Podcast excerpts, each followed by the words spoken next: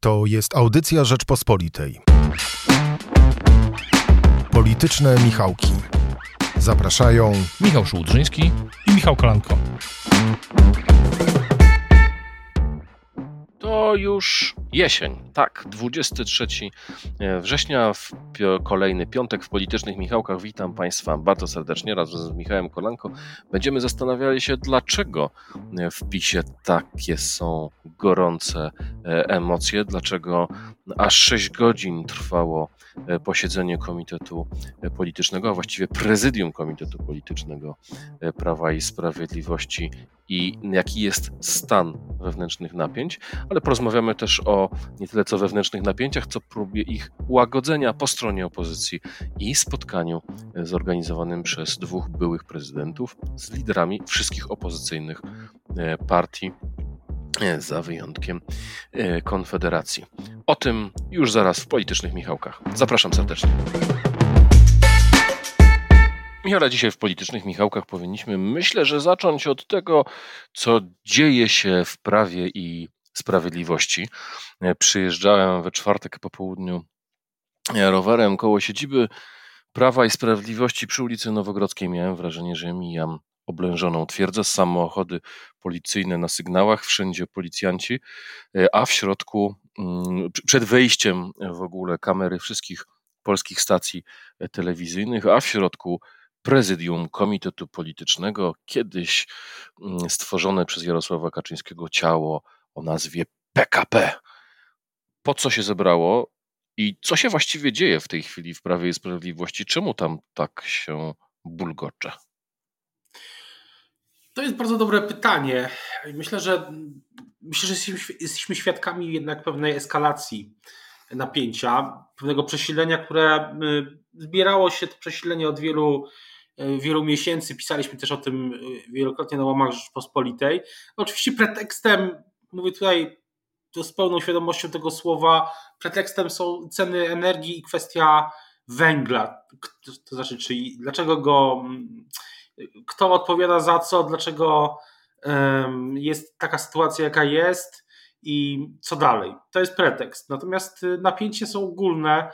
Myślę, że takim momentem destabilizacji było odejście Jacka Kurskiego z TVP. Wtedy ruszyła taka machina pod tytułem Jacek Kurski w rządzie, ale to też tylko było takim um, też, też nałożyło się na to, na to, co znamy, o czym tak jak mówiłem, pisaliśmy wielokrotnie, czyli ten konflikt w Prawie i Sprawiedliwości um, z udziałem i premiera Morawieckiego i y, wicepremiera Jacka Jacka Sasina.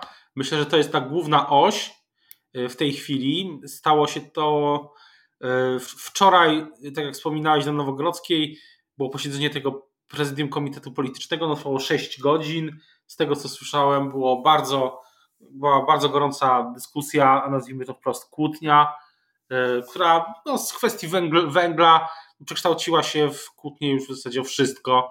Takie wylewanie. I chyba po raz pierwszy tak otwarcie kłócono się ze sobą i domagano się, znaczy stawiano rozmaite pomysły na zmianę premiera w, w, obecności premiera. Nie były to już spotkania spiskowców przeciwko niego, tylko była tam, z tego co słyszałem, otwarta konfrontacja pomiędzy między innymi Jackiem Sasinem a Mateuszem Morawieckim, w której arbitrem był Jarosław Kaczyński. Też tak słyszałeś? Myślę, że jedna rzecz jeszcze, zanim przejdziemy do tego, że warto też notować, że w ogóle przecieki z tego prezydium to też jest rzecz, która wcześniej nie było, tak? Wcześniej to prezydium Komitetu Politycznego, ono się zbiera co tydzień zresztą, no bo to jest bardzo szczelne, to jest najważniejsze, najważniejsze forum w Prawie i Sprawiedliwości, najważniejsza taka, to, to spotkanie, najważniejsze spotkanie władz nie było przecieków. Zresztą, jak przypominał Wojtek Szacki z Polityki Insight, po to właśnie powstało PKP, żeby nie było przecieków. Nie było, nie było przecieków PKP. Samo, samo prezydium partii jest zbyt dużym ciałem i było mnóstwo wycieków. W związku z tym Jarosław Kaczyński zbudował kilkunastoosobowe ciało których najbliższych współpracowników, z którego przecieków miało nie być, a jednak okazuje się, że są, no, no bo wczoraj de facto na bieżąco relacjonowane były kolejne argumenty, kłótnie, wrzutki o węglu, o tym, że zawalił Morawiecki, nie, to zawalił Sasin, a nie, to ludzie Morawieckiego, a nie, to ludzie Sasina. Tak, jak pisał chyba jako pierwszy Jacek Gądek z gazety.pl, rzeczywiście i to na, nie na tym wczoraj, ale na wcześniejszym posiedzeniu PKP, gdy akurat premiera Morawieckiego nie było, no zaczęło się takie, zaczęła się taka dyskusja o tym, żeby zmienić premiera, ale nie ma chętnych. To chyba jest główny dzisiaj mój wniosek, tak e, przechodząc do, do sedna. I to jest też, myślę, interesujące, no bo politycy PiS po prostu też się spodziewają, że będzie, że politycznie ta jesień i zima będzie po prostu ciężka. No, chętnych nie ma. Mm, Beata Szydło podobno się nie zgodziła, zresztą napisała na Twitterze, że nie da się wciągnąć w żadne spiski. Jak ktoś zauważył mm, z komentatorów na Twitterze, y, było to stwierdzenie nie tyle dotyczące plotek na jej temat, tylko był to sygnał do, dopisu. E, w tym kontekście pojawia się nazwisko marszałek Sejmu Elżbiety Witek. Pamiętam, że rozmawialiśmy kiedyś o tym i pisaliśmy e, w, w Rzeczpospolitej i ty i ja wymienialiśmy jej nazwisko, no bo ono gdzieś tam się pojawiało, było suflowane przez przeciwników Morawieckiego jako osoba, która jest e, powszechnie lubiana, ciepła, oczywiście w elektoracie PiSu i która byłaby w stanie być no, taką, taką zmianę przeprowadzić. Mm, to jest taki element myślenia, że po zimie będzie za późno. E, takie głosy słyszałem z, z Prawa i Sprawiedliwości, z otoczenia Prawa i Sprawiedliwości, że czekać aż zabraknie węgla i tak dalej, i tak dalej, to już będzie kwestia, to już będzie pozamiatane wtedy. E, a zatem trzeba dokonać ruchu uprzedzającego i w tej chwili E, dokonać zmian, poświęcić kogoś, zrzucić na niego winę za kryzys, inflację i tak dalej i no, spróbować ratować sytuację rok przed wyborami. Pytanie oczywiście, czy osoba taka na przykład jak Elżbieta Witek, czy Mariusz Błaszczak, czy ktokolwiek inny pociągnie ten wózek przez rok, e, bo tu jest kilka elementów naraz. Jest, no, trzeba reagować od strony gospodarczej na kryzys, trzeba e, sobie jakoś układać relacje z Unią Europejską mm, i tych czynników i zmiennych jest bardzo dużo, to znacznie więcej niż tylko chodzenie, e, robienie konferencji prasowej i uśmiechanie się do, e, do kamery. No zdecydowanie tak. Myślę, że ten kryzys, że inaczej, ta sytuacja polityczno-gospodarcza no jest bardzo poważna, ale politycy PiS obawiają się jeszcze, jeszcze czegoś innego, że sama dyskusja o tym, że same próby właśnie roz, rozbujania tą, tą łódką no, doprowadzą do tego, że PiS wejdzie w taki no, w tryb defensywny, że zamiast ta polityczna jesień, która miała być taką właśnie mobilizacją elektoratu, objazdy prezesa Kaczyńskiego, przygotowanie do kampanii wyborczej tej właściwej fazy w przyszłym roku, no, zamiast tego będzie powtórka z 2020 roku, z Y, z, tamtej, z tamtego przesilenia, które zakończyło się tym, że Jarosław Kaczyński musiał wejść do rządu, żeby uspokajać. Przypomnijmy, PiS wygrał wybory prezydenckie i zamiast cieszyć się tym zwycięstwem, natychmiast pokłócono się o kształt umowy koalicyjnej. I wtedy doszło do przesilenia ze Zbigniewem Ziobrą, a rok później wyrzucono Jarosława Gowina, który akurat wtedy lojalnie zagrał wobec Kaczyńskiego. Więc rzeczywiście to. E, Jeśli to... jest y, ta, ta jesień, wiele ci słowo, jesień bywa dla PiS trudna, tak? I jest pytanie w Prawie i Sprawiedliwości o właśnie taką powtórkę z rozrywki, że w tym roku też będzie y, PiS sam na własne życzenie zepchnie się do defensywy, a, a generalnie sytuacja jest, y, myślę, nawet chyba bardziej złożona niż w 2020 roku. No wtedy, tak jak sam zauważyłeś, bo to tuż po zwycięstwie Andrzeja Dudy był jakiś kapitał polityczny, mimo tego, że oczywiście to było między jedną a drugą falą pandemii koronawirusa. No teraz, teraz te nastroje są rzeczywiście poważne. No i też myślę, że poważne, poważne jest pytanie, co, co dalej, tak? Jaki jest e, scenariusz na przyszłość po tym wczorajszym posiedzeniu tego prezydium Komitetu Politycznego. Jaki będzie ciąg dalszy? Szczerze mówiąc, na, na dzisiaj, na ten moment, myślę, że wpis nie ma, nie ma dobrej odpowiedzi. Nikt do końca nie wie, co się co się wydarzy. To też jest nowa sytuacja. Ale zadam takie pytanie, może głupie, ale to znaczy, że Jarosław Kaczyński nie panuje już nad, nad sytuacją? No bo sam zauważyłeś, że wszystkie spekulacje o tym odwołujemy premiera, nie odwołujemy premiera, tak na koniec dnia szkodzą PiSowi. Pokazują, że PiS zajmuje się sobą, że jest tam pewien no, napięcie, bujanie, chaos i tak dalej. Przecież yy, gdyby Jarosław Kaczyński chciał, mógłby no, zabronić Jackowi Sasinowi e, i Mateuszowi Morawieckiemu wzajemnego e, podgryzania się. Przecież to jest taka sytuacja, że to PiS uruchamia tę tę, tę, tę karuzelę. Wyrzucono Jacka Kurskiego, rozpoczęły się spekulacje. No Jacek Kurski jest zbyt ważnym graczem, żeby siedział cicho i czekał, aż ktoś go wezwie na jakieś stanowisko. W związku z tym pewnie jakaś część przecieków dotyczących jego przyszłości um, jest elementem też gry wewnętrznej w PiSie. E, a sam zauważyłeś, że no jednak PiSowi to wszystko raczej na dobre nie wychodzi. Kaczyński nie jest w stanie tych wewnętrznych zjawisk już opanować? Częściowo myślę, że one są.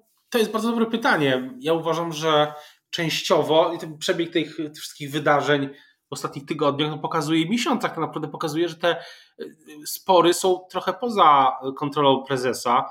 Zresztą prezes Kaczyński w którymś z tych wywiadów, y, chyba dla Interi, y, w rozmowie z, z Fiołkiem, chyba mówił, że no, spór jest taką cechą polityki, która jest immamentna dla polityki, w sensie tego, że nie da się, nie da się go e, uniknąć i on jest takim arbitrem, tylko pytanie na ile e, wydaje mi się, to jest jedna, to jest jedna, jedna część odpowiedzi na twoje pytanie, natomiast co, pytanie jest też co dalej, tak? Tak jak mówiłem, wpis myślę nie ma, nie ma do końca pewności, jak się teraz potoczą wydarzenia. One czasami nabierają własnej dynamiki już, tak?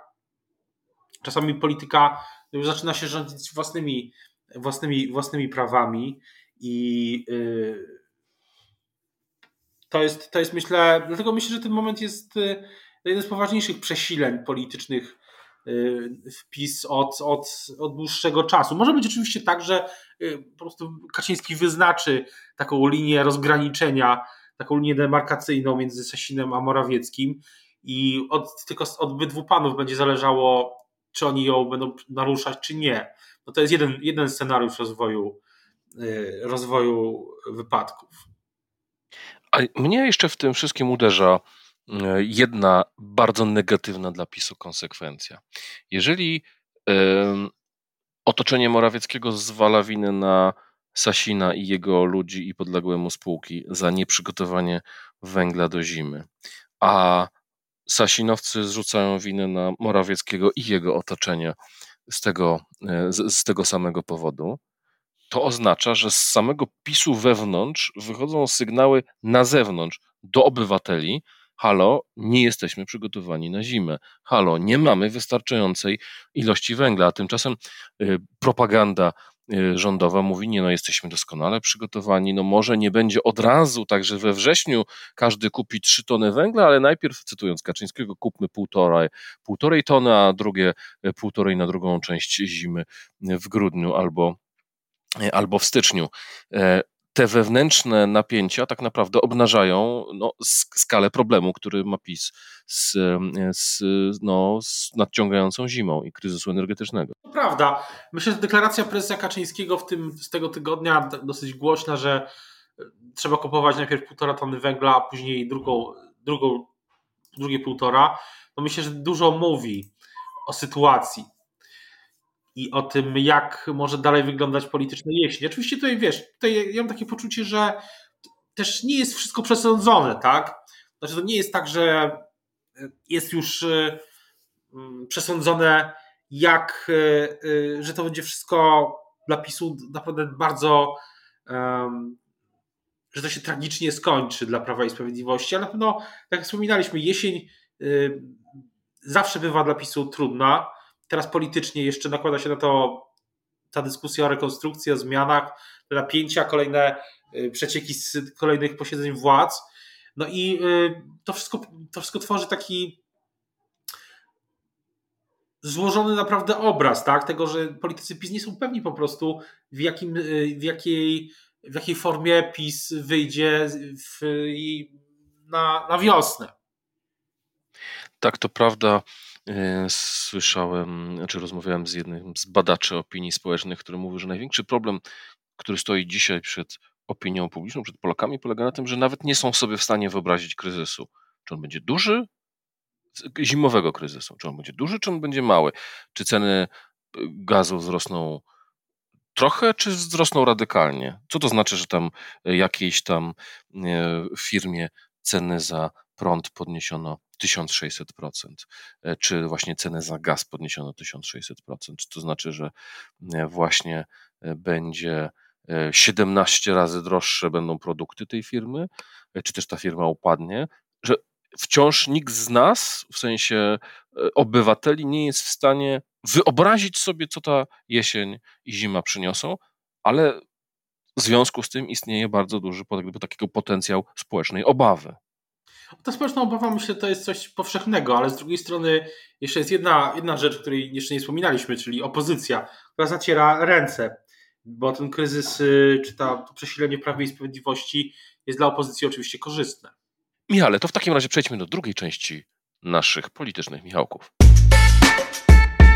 Ten tydzień to prócz sporu wewnętrznego w Prawie i Sprawiedliwości, e, również próba pogodzenia się e, wszystkich liderów partii opozycyjnych, próba podjęta przez byłych prezydentów. Było właściwie chyba pierwszy raz pamiętam takie zdjęcie wszystkich siedzących w pierwszym rzędzie od Szymona Hołowni, Donalda Tuska, e, Włodzimierza Czarzastego po Jarosława Gowina. Pretekst czy powód e, to 25. rocznica rozpoczęcia negocjacji polskich, Polski e, z NATO. Na tym spotkaniu organizowanym przez dwóch byłych prezydentów Aleksandra Kwaśniewskiego i Bronisława Komorowskiego występował również Mark Brzeziński i tutaj pisowcy żartowali, że popsuł szyki opozycji, ponieważ mówił, jak ważnym dzisiaj partnerem jest, jest Polska w, w NATO, co zdaniem tej narracji pisowskiej miało świadczyć, że chwali obecny rząd. Myślę, że to lekkie uproszczenie, ale rzeczywiście e, ta impreza e, przeszła niezwykle harmonijnie, ale po niej zaczęło się gotować. Jak oceniasz samą tą imprezę, e, jej gdyby efekty i potencjał dla opozycji i jak oceniasz ten późniejszy spór? Zdraćmy, był to spór o to, czy powinien był tam być Jarosław Gowin i czy można z nim się dogadywać, można go brać na listy i czy można go brać do przyszłej koalicji. Opozycja się spotyka przy różnych okazjach od y, ładnych paru miesięcy w takim formacie. Pierwsza była chyba debata o konstytucji, zorganizowana z inicjatywy akurat y, PSL Koalicji Polskiej i wicemarszałka Sejmu Piotra Zgorzelskiego. Natomiast rzeczywiście to było pierwsze spotkanie, w którym brał udział też w tak widocznym miejscu Jarosław, Jarosław Gowin. Ja myślę, że efekt tego spotkania jest dosyć paradoksalny, bo jednak jeśli, bo ono miało pokazać właśnie taką jedność, y, to, że opozycja akurat o sprawach obronności mówi jednym w miarę jednym głosem, a jej efekt polityczny był taki, że jego efekt polityczny był taki, że rozpoczęła się dyskusja o Jarosławie Gowinie, czy powinien być na listach, czy nie, czy, i co w ogóle z nim y, dalej. No i wydaje się, że opozycja się tutaj po prostu od razu, pokaza, od razu się pokazały napięcia. To też jest dosyć paradoksalny efekt, że spotkanie, które miało pokazać jedność, ujawniło bardziej napięcia, a z drugiej strony była też deklaracja Włodzimierza Czerzastego, wicemarszałka Sejmu, taka polityczna. Wcześniej konferencja Szymona Hołowni, który zapowiedział, że nic y, nie jest jeszcze ustalone. No, trwają takie tam, mam takie wrażenie, że trwają takie przepychanki cały czas, werbalne, tak? Że ktoś deklaruje, że nie ma mowy o, Adrian Zandberg w tym tygodniu mówił, nie ma, że nie ma mowy o wspólnej liście. Tutaj z drugiej strony padają hasła, że nigdy z Jarosławem Gowinem, nigdy go ponownie w rządzie, nigdy na listach z trzeciej strony właśnie Szymon Hołownia deklaruje, że nie, nic się nie, na nic nie jesteśmy dogadani. Ten etap, etap, jeśli chodzi o opozycję, to zdecydowanie jest twórcze napięcie, naciskiem na napięcie.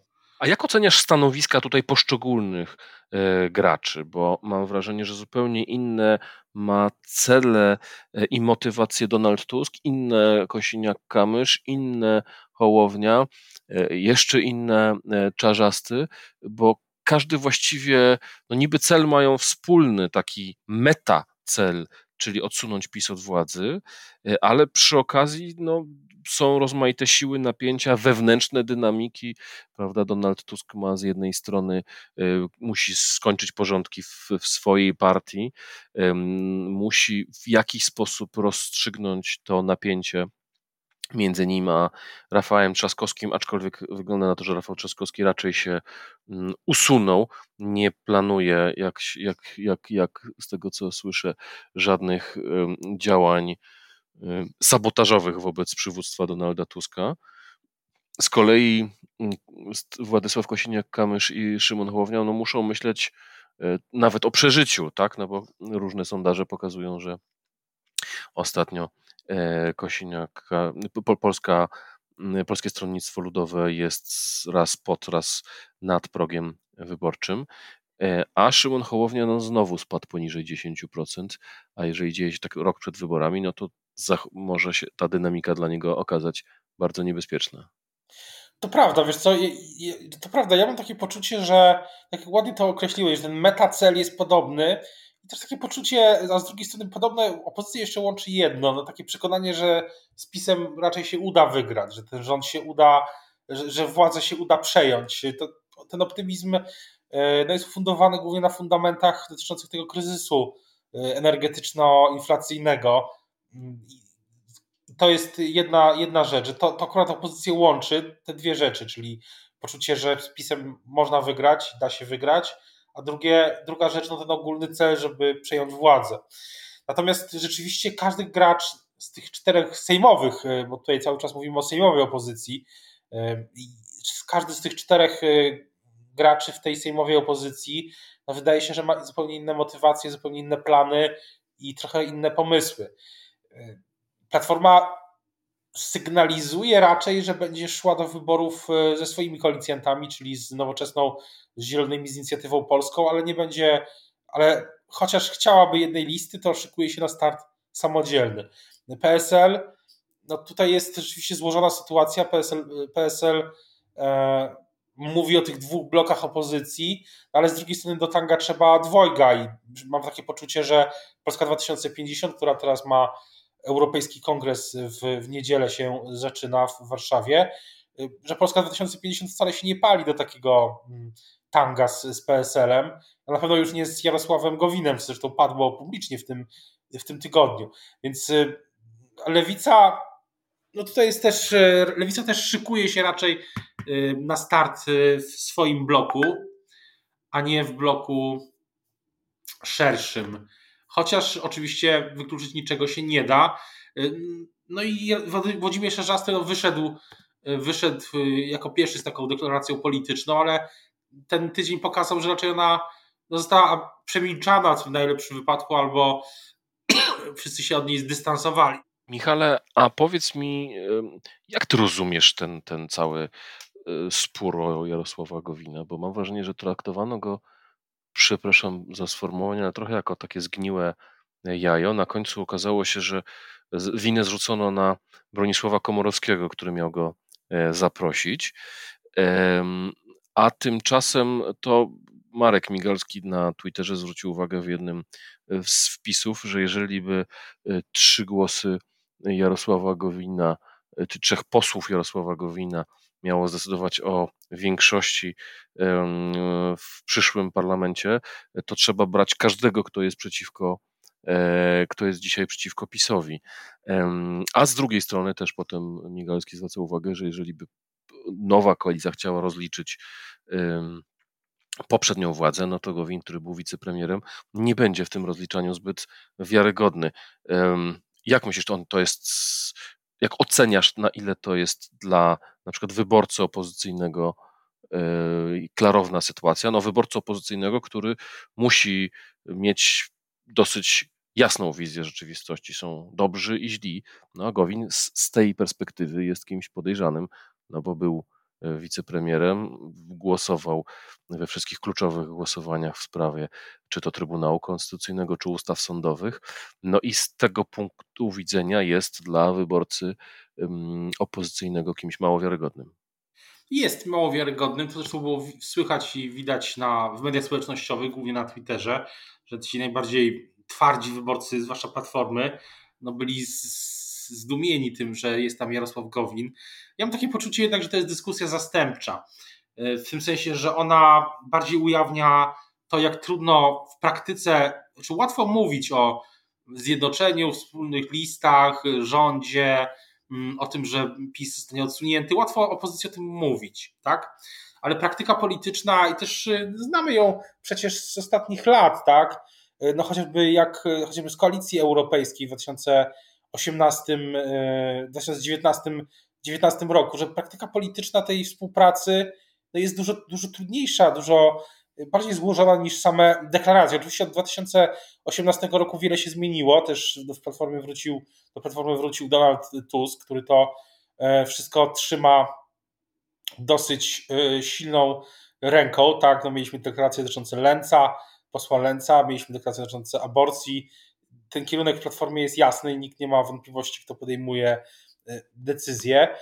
No ale jednak ta cała, ten cały konglomerat różnych pomysłów, poglądów, podejść, kultur organizacyjnych, no nie, jest tak, nie będzie tak łatwo się temu konglomeratowi yy, dogadać w praktyce. Tak mi się wydaje, że, że to jest. Czyli to jest taka, Twoim zdaniem, taka proxy war, bo lepiej się publicznie pokłócić o Gowina, niż publicznie ujawniać, co nas dzieli. I, i no tak, no okazuje się, że że na przykład Kosiniak-Kamysz nie bardzo widzi możliwość wspólnego startu z Czarzastym i Tuskiem. W związku z tym lepiej e, powiedzieć, e, że oj, zupełnie nie wiem, spieramy się o to, czy iść razem z Gowinem, czy nie, bo dzięki temu jest to wygodniejszy przedmiot dyskusji, tak? To prawda, natomiast no, oczywiście jest politycy PiS z zapałem rozpowszechniają w internecie zdjęcie z tej Y, konferencji, których y, liderzy opozycji no nie, nie są, nazwijmy to, a, no, no, przysypiają, tak mówiąc wprost. Takie zdjęcie jest, y, rzeczywiście krąży w internecie. To też ma być. Prawo i Sprawiedliwość oczywiście bardzo mocno to wszystko śledzi. To też ma być właśnie taki. No, politycy PiS twierdzą, że to pokazuje, jak łatwo w polityce się po prostu samemu uszkodzić, y, nawet przez taką choreografię.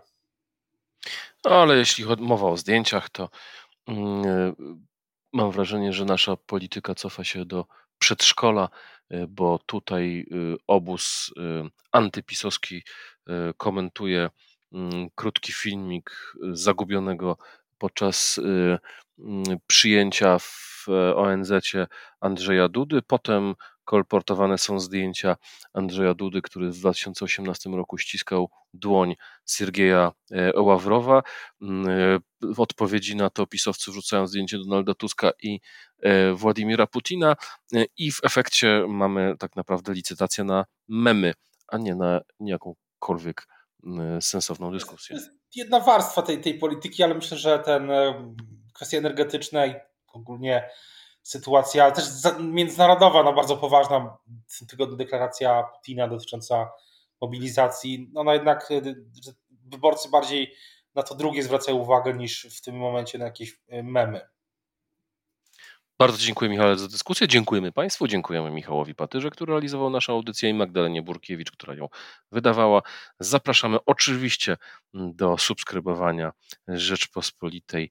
Wejdźcie Państwo na stronę rp.pl i znajdźcie najświeższą ofertę cyfrowej subskrypcji, a my się z Państwem żegnamy i zachęcamy do wysłuchania nas za tydzień, e, a już e, w, poniedziałek kolejnych pozostałych audycji Rzeczpospolitej. Do usłyszenia. Do usłyszenia, dziękuję. Słuchaj więcej na stronie podcasty.rp.pl. Szukaj Rzeczpospolita Audycje w serwisach streamingowych.